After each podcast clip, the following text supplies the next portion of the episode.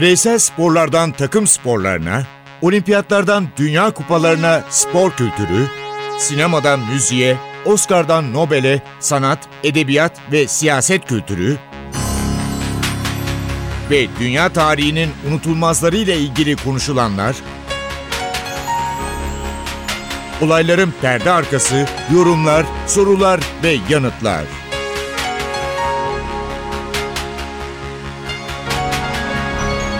Ercan Taner ve Mert Aydın'la Ateş Arabaları başlıyor.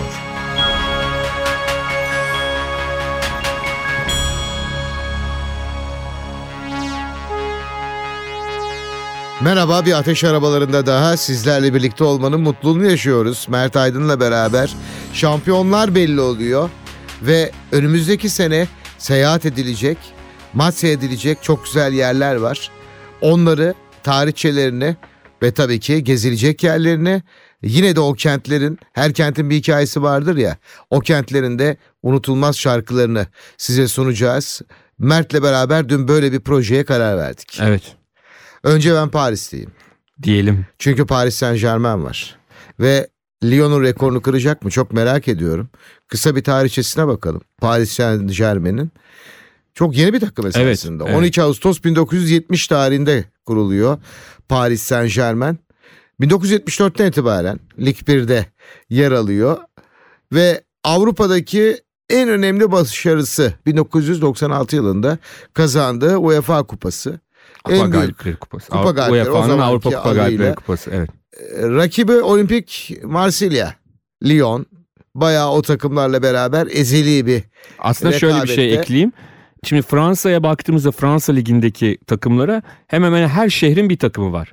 Bu yüzden de şehirler arasındaki rekabet aslında kulüpler arasındaki rekabetin daha önünde. Yani şehirler arasında bir rekabet varsa kulüpler arasında da o yüzden bir rekabet oluyor. Biraz futbol daha çok hani o şehir rekabetinden kaynaklanan bir rekabete neden oluyor.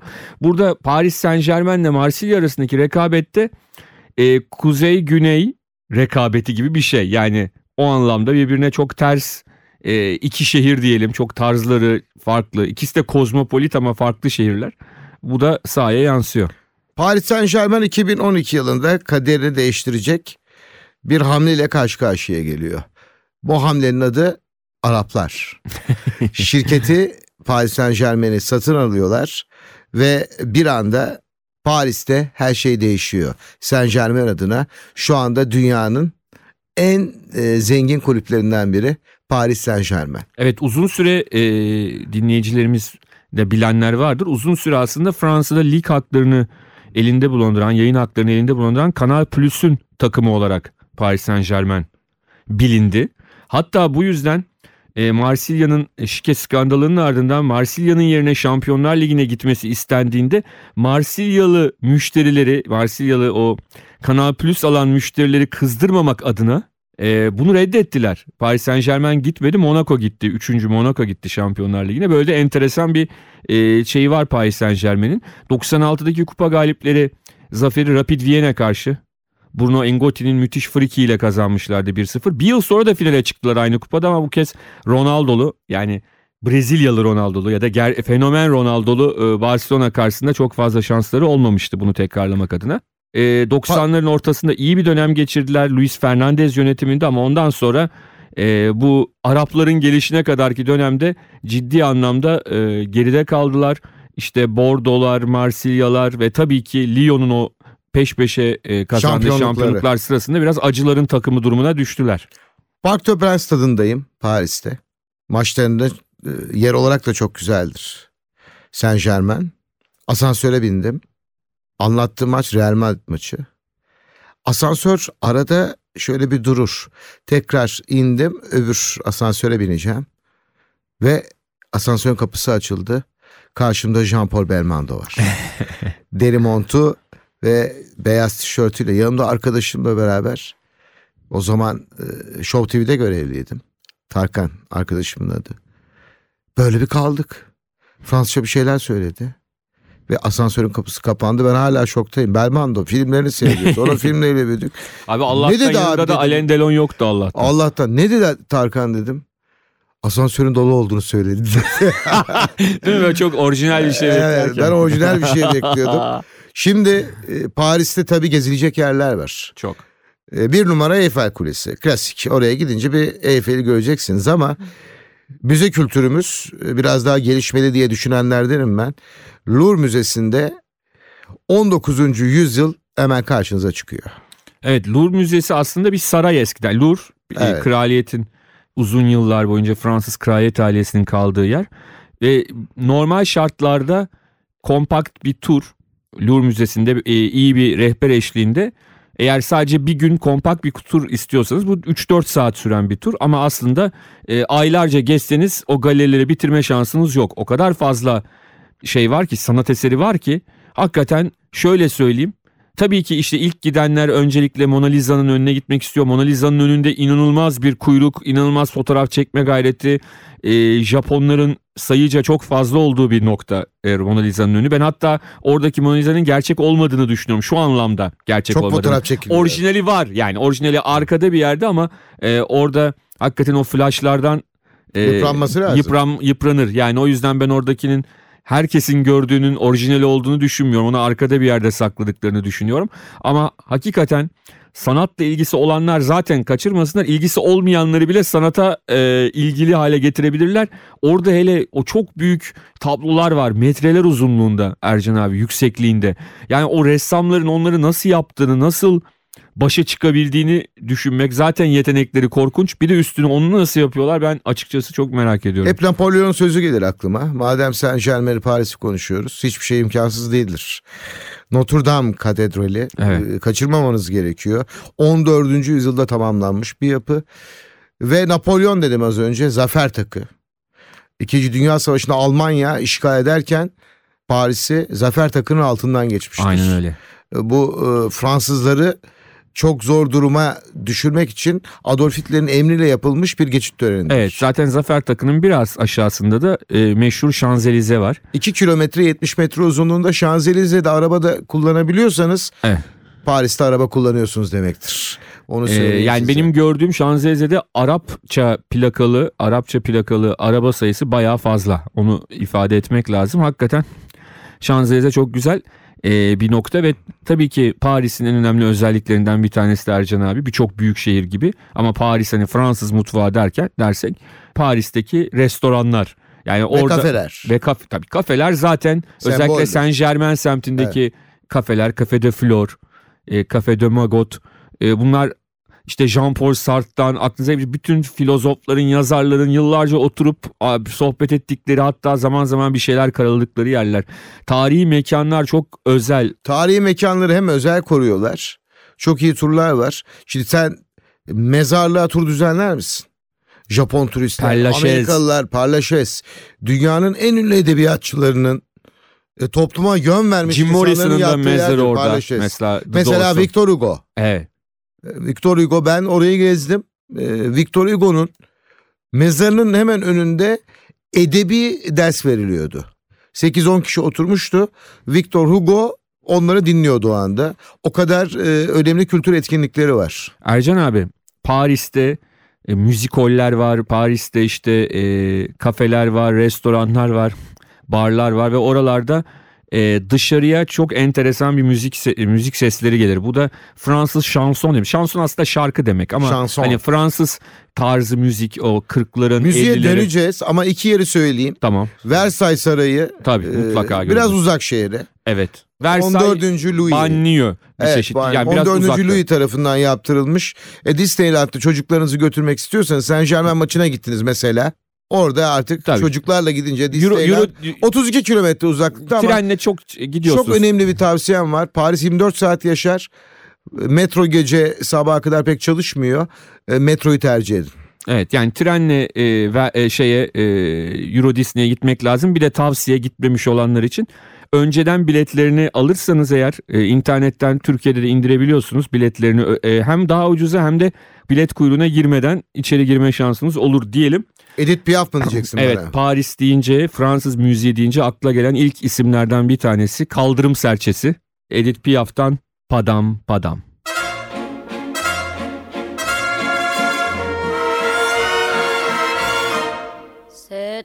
qui m'obsède jour et nuit. Cet air n'est pas né d'aujourd'hui. Il vient d'aussi loin que je viens, traîné par cent mille musiciens. Un jour cet air me rendra folle, sans fois j'ai voulu dire pourquoi, mais il m'a coupé la parole. Il parle toujours avant moi et sa voix couvre ma voix. Padam, padam, il arrive en courant derrière moi. Padam, padam, padam, il me fait le coup du souviens-toi. Padam, padam, padam, c'est un air qui me montre du doigt. Et je traîne après moi drôle d'erreur cet air qui sait tout par cœur. Il dit rappelle-toi tes amours, rappelle-toi puisque c'est ton tour. Y a pas de raison pour que tu ne pleures pas avec tes souvenirs sur les bras. Et moi, je revois ce qui reste. Mes vingt ans font Vois s'entrebattre des gestes. Toute la comédie des amours sur cette terre qui va toujours. Padam, padam, padam. Des je t'aime de 14 juillet padam, padam, padam, des toujours qu'on achète au rabais. Padam, padam, padam, des veux-tu en voilà par un paquet. Et tout ça pour tomber juste au coin de la rue, sur l'air qui m'a reconnu.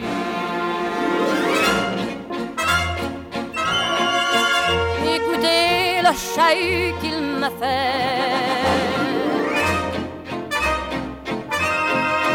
Comme si tout mon passé défilait.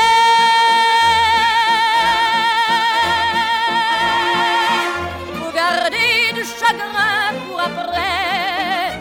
J'en ai tout un solfège sur cette terre qui bat, qui bat comme un cœur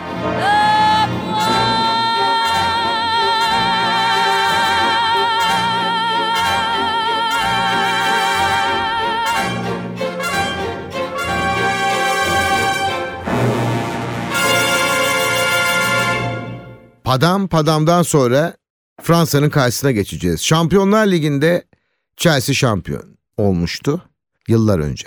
Evet. Ve bu sene de Premier Lig'de şampiyon oldu. Şimdi Şampiyonlar Ligi'nde İngiltere'yi temsil eden takımlardan biri. E, yolunuz Londra'ya düştü. Önce bir Chelsea'ye bakalım. Chelsea'nin tarihi Abramovich'le değişiyor Mert. Aynen öyle. Abramovich'le değişti ardından Abramovich'in doğru hamleleriyle. Çünkü şimdi insanlarda şöyle bir kanı var Ercan abi. Bir kulübü Ruslar, Araplar aldı mı çok gelişecek, çok o kadar kötü örnek ve yanlış örnek var ki son 15 yılda yaşadığımız dünyada, İspanya'da, İngiltere'de ondan sonra ama Abramovich o kadar iyi bir örnek inşa etti ki herkes Abramovich gibi olacağını zannediyor diğerlerinin de. Halbuki öyle bir şey yok. Çünkü Abramovich evet çok genç bir iş adamıydı. Aldığında tecrübesiz görünüyordu. Yani sadece kendi işini bilen bir adam gibi görünüyordu. Ama sahibi olduğu için bir dernek statüsünde değil Chelsea tabii ki. Kendi şirketleri gibi yönetilmesini istediği için fanatik Manchester United taraftarı olarak bilinen Manchester United'ı şu andaki çok kazanan şirket konumuna getiren Peter Kenyon'ı transfer ederek işe başladı. Evet. Bu çok önemli bir şey. Ted Break e, eski Arsenal'li 1952'ye baktım tarihine baktım Chelsea'nin bayağı geliştirmiş Chelsea'yi e, merak edenler için tarihte konuşuyoruz ya 10 Mart 1905'te Fulham Road The Rising Sun şimdi hala duruyor The Butcher's Hook adlı bir barda biz Chelsea'yi kuralım diyorlar ve o günden bu yana devam ediyor. Evet. Senin de söylediğin gibi özellikle son dönemde e, son 10-15 yıl içinde Chelsea İngiltere Ligi'nde e, Premier Lig'de şampiyonluklar kazanan E, ve en sonunda da 2012 yılında çok istediği Şampiyonlar Ligi şampiyonluğunu kazanan bir kulüp oldu ve şu anda hani Avrupa'nın dünyanın en zengin, en e, ferah, en işte türbünleri dolu kulüplerinden bir tanesi. Chelsea bugün Londra'da belki geçmişte öyle değildi bilemiyorum ama bugün Londra'da gezdiğinizde işte e, en az Arsenal kadar, Tottenham kadar Chelsea'nin de storeları, mağazaları, forma alınabilen e, no, yerleri var. E, onu ifade etmek gerekiyor. Evet. Ve e, tabii ki Jose Mourinho Chelsea'nin simgelerinden biri haline aldı. Uzun yıllar aslında ayrı kaldı. Yani 2007'de ayrıldı. 2007'den 2013'e kadar 6 yıl bambaşka takımlarda görev yaptı. Ama o yıllarda bile Chelsea deyince insanın aklına gelen ilk isim isimlerden bir tanesi Jose Mourinho'ydu herhalde. Ve tabii ki John Terry ve Frank Lampard ikilisi ve Peter Cech üçlüsü diyelim. Bu üçlü Chelsea'yi Abramovich döneminde gerçek anlamda taşıyan oyuncular oldular. Belki Drogba'yı da ekleyebiliriz buna. Lampard geçen sene gitti. Ama e, hakikaten bu oyuncular biliyorsun Mourinho'nun da Mourinho'nun da çok özel isimleri isimler e, hakikaten çok e, önemli katkıları olduğunu e, söylememiz gerekiyor Chelsea kulübüne. Şimdi buradan takımlarımızdan birine Chelsea çıktı. Havaalanına geldiniz. 3 saat 40 dakika sonra Heathrow'a iniyorsunuz. Ya da Gatwick. Hangi? Ama genelde Heathrow'a Heathrow iniliyor.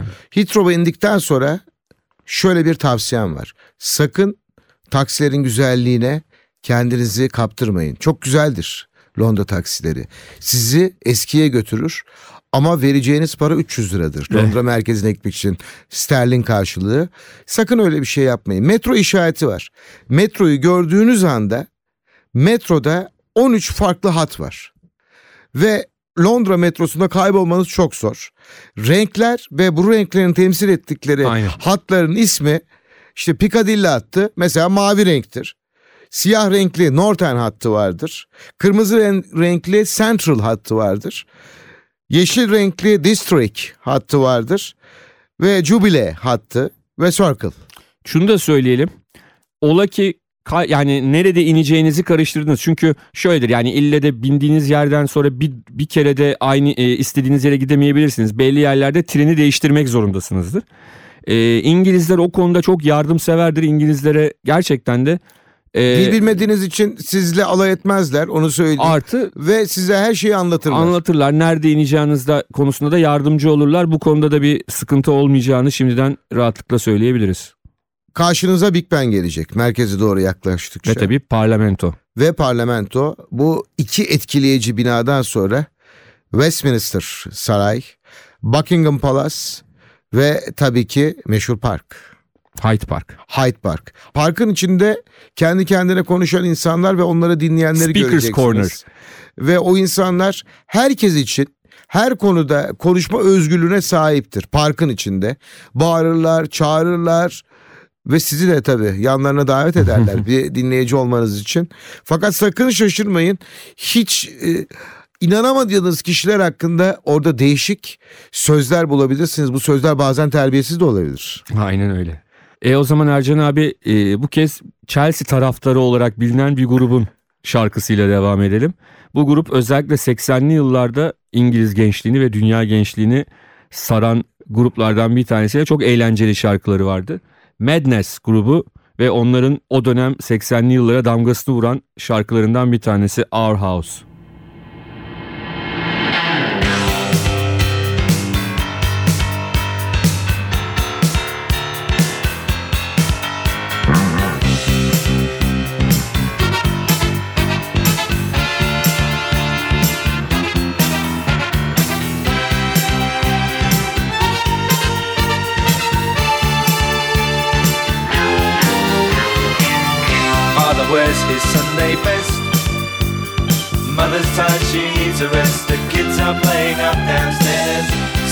Saying in her sleep. Brother's got a date to keep, he can't hang around. Our house in the middle of our street. Our house in the middle of our our house. It has a crowd. There's always something happening and it's usually quite loud. Our mum, she's so house proud.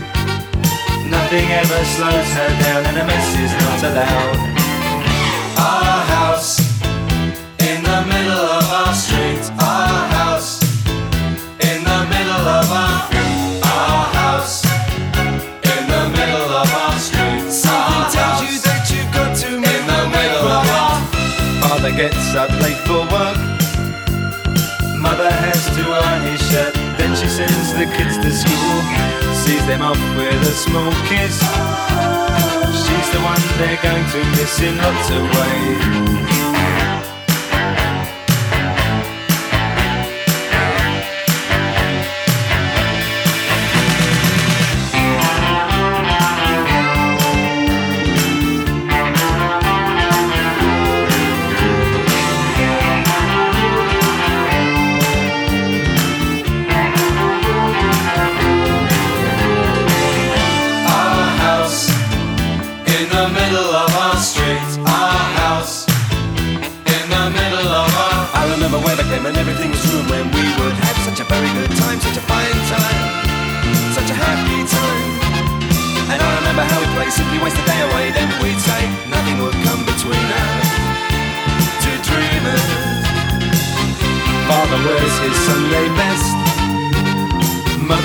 She needs a rest. The kids are playing up downstairs. Sister's sighing in her sleep. Brother's got a date to keep, he can't hang around. Our house in the middle of our street.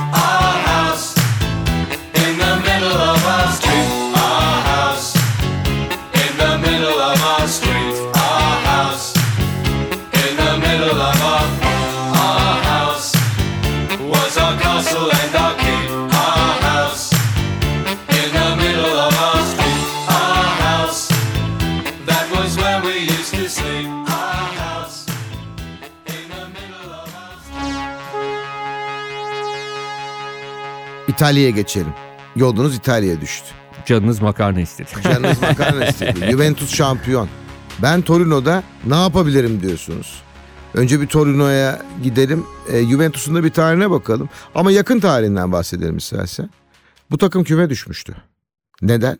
Malum sebeplerden dolayı. Hakemleri Düşürüldü. ayarlamak Evet. Ama 4 senedir İtalya'da şampiyon. Yaşlı büyük annedir lakabı Juventus'un. Ve Torino'da Juventus bir ailenin kontrolü altındaydı. Agnelli ailesi. Agnelli ailesi Juventus'a her zaman e, yardım etti ve Juventus hiçbir şekilde büyüklüğünden bir şey kaybetmedi. Aynen Onu öyle. Hatta şöyle bir iddia var Ercan abi onu da söyleyeyim. Ee, Birçok kişi der ki niçin Agnelli ailesi bu soruşturmayı engellemedi? Buna çok kolay yapabileceklerken ee, bu işte küme düşmelerine neden olan. Orada da şöyle bir iddia atıldı bir İtalyan basınında. Agnelli'nin torunlarından bir tanesi bu olaylardan bir sene kadar önce aşırı dozda uyuşturucu yaşamını kaybetti. Evet. Ve ona o uyuşturucuyu sağlayan kişinin Luciano Moggi olduğu yani Juventus'un genel menajeri bütün bu olayların kötü adamı olduğu ve bunu bildiği için Agnelli ailesinin gerekirse kulüp küme düşsün biz bir şekilde bu kulübü kurtarırız da bu adam da hapse girsin suçlu bulunsun diyerek e, bu olayda hükümet üzerindeki nüfuzunu kullanmadığı söylenir. Kulaktan kulağa. Evet tabii ki resmi Şimdi olarak bu şey İtalya'nın otomobil başkenti. Onu kabul edelim. Dağların arasında bir şehir. Ben de gördüm. Belki canınız sıkılabilir. Ya bu Torino'da ben ne yapacağım diyebilirsiniz. Mutfağı çok güzel. Bir kere onu söyleyeyim. Bir. İtalya'nın Detroit'i olarak değerlendiriyorlar. Biraz uzak. 2 saat 50 dakika sürüyor uçakla gittiğiniz zaman. Ama e, Torino'da yine İtalya'nın o meşhur mimarisi, o tarihi binalar e, sizi eski tarihi bir kente doğru götürmekte. Tabii ki Juventus'un yine muhteşem bir stadı var. Evet Ercan abi şu da söylenir hep. Juventus'un tüm İtalya'daki taraftar sayısı çok yüksektir ama Torino şehrinde Torino kulübünün taraftarı daha fazladır diye Evet. böyle bir görüş vardır. Genelde de Mesela- doğru kabul edilir. İklime baktım. Mayıs ve Eylül arası iklim koşulları çok uygun. Eylül'de de Şampiyonlar Ligi başlıyor. Onun için konuşuyoruz zaten biz de burada. Belki çıkarsa. Çok yer var ama iki tane ulusal sinema müzesi ve otomobil müzesi. Tabii bir tane Mısır müzesi var onu da söyleyeyim. ve mutlaka gitmeniz gereken Roma Mahallesi.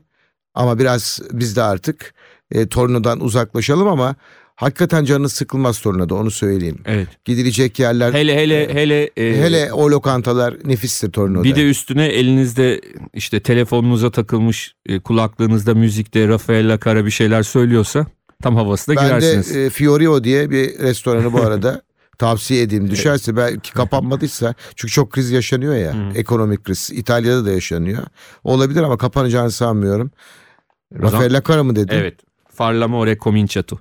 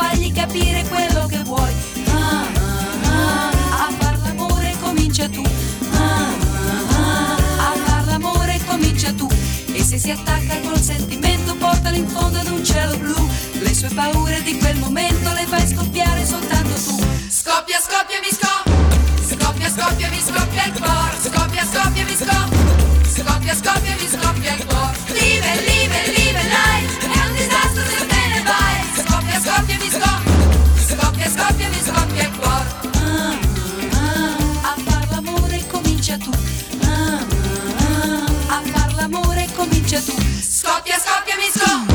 Scoppia, scoppia, mi scoppia il cuore.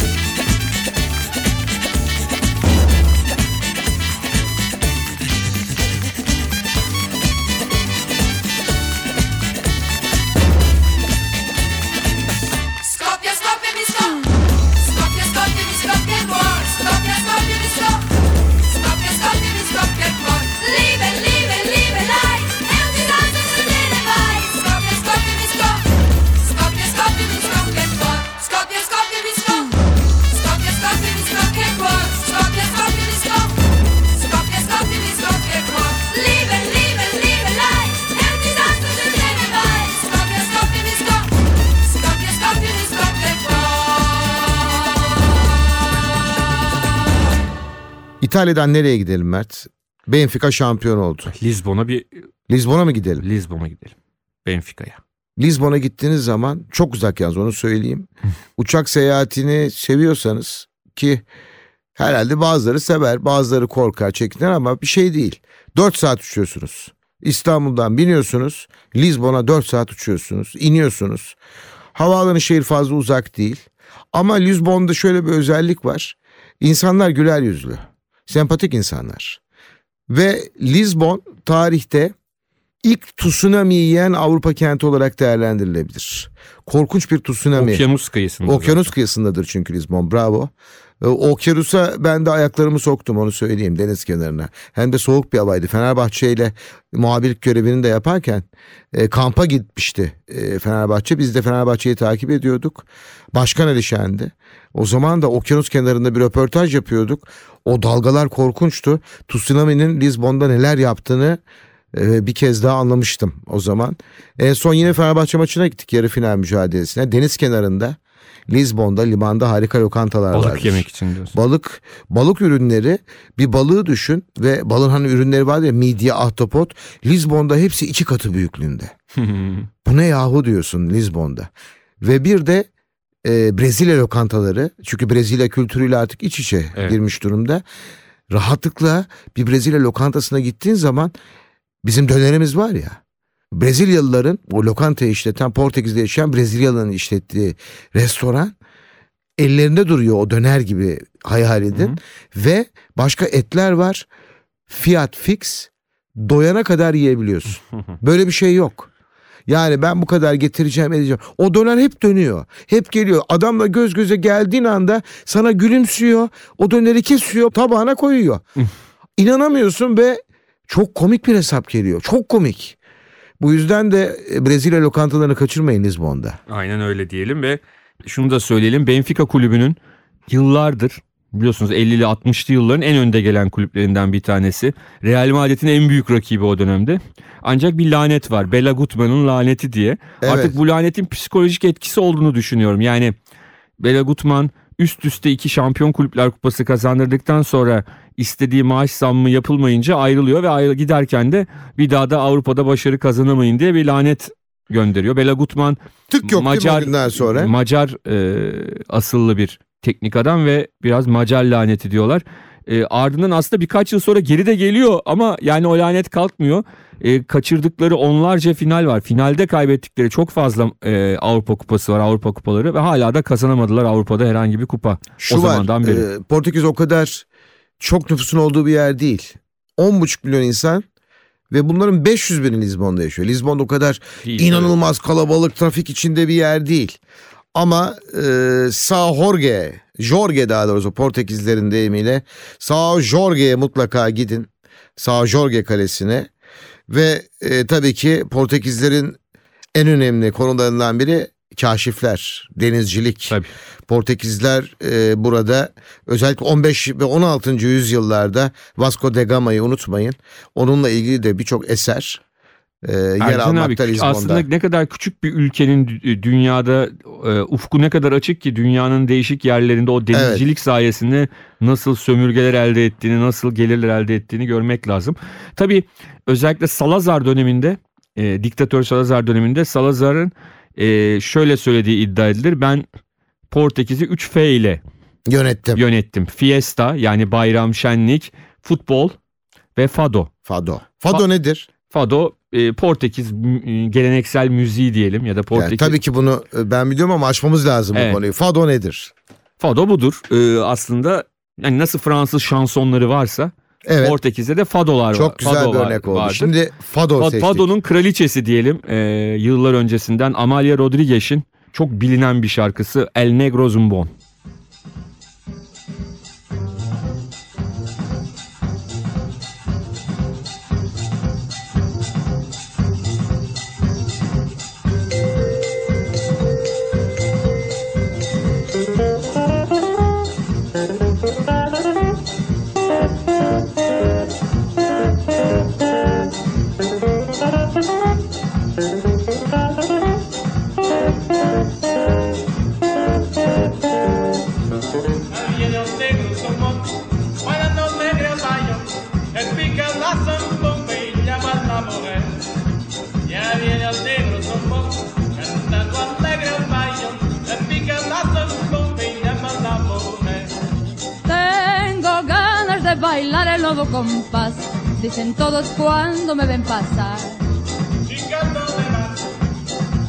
Me voy pa' bailar el bayón. Tengo ganas de bailar el nuevo compás. Dicen todos cuando me ven pasar. Chica, ¿dónde vas? Me voy pa' bailar el bayón.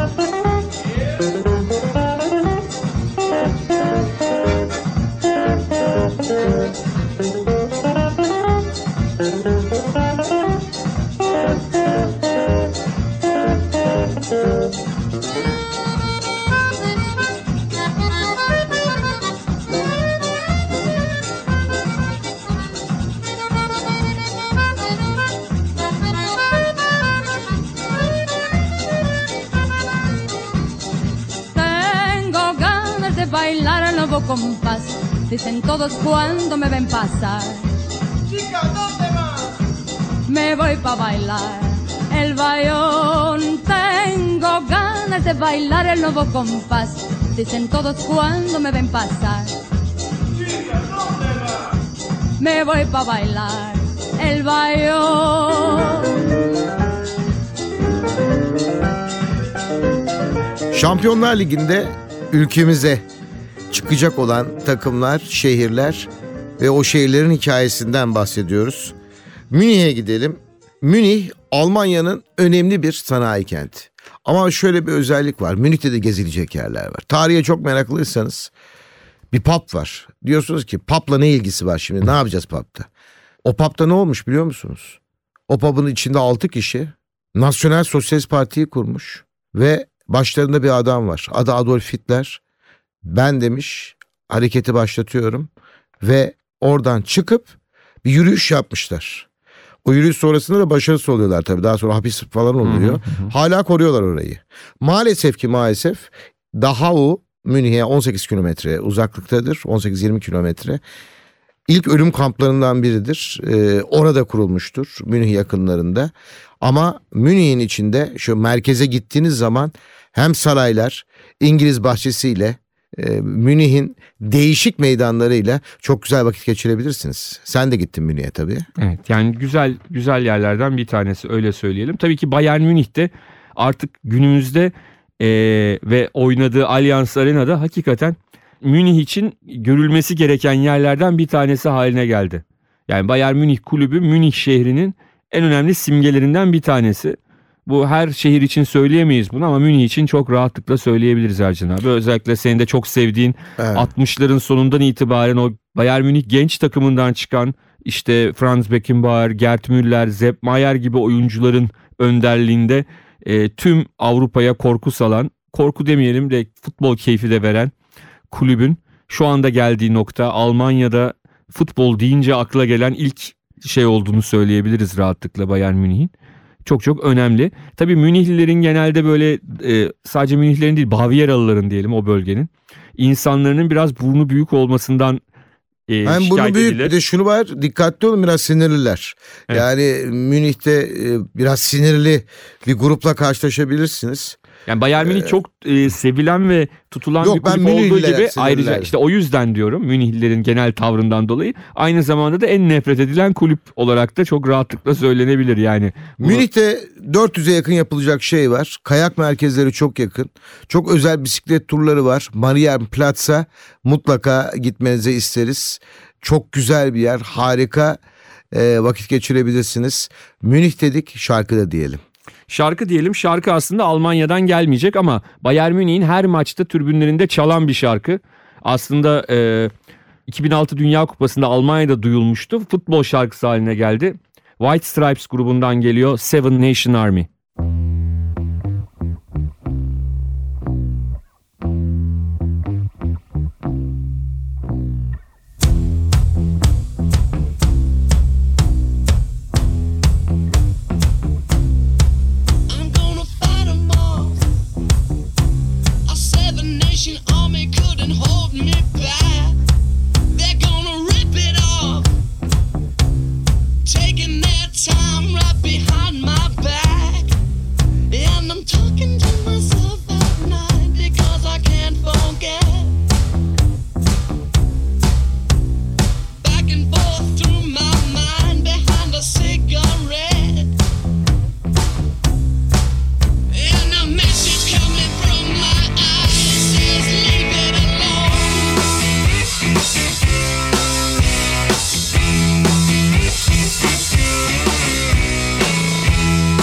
Bugün Şampiyonlar Ligi'nde ülkemize çıkabilecek e, takımların bazılarını Evet. Mert'le beraber konuştuk. Şehirlerin hikayesinden bahsettik.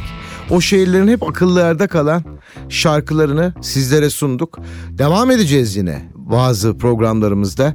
Hem şehirlerin hikayesine hem de takımların. Ben Ercan Taner. Ben Mert Aydın. Hepinize mutluluklar diliyoruz. Hoşçakalın. Hoşçakalın. Don't wanna hear about it.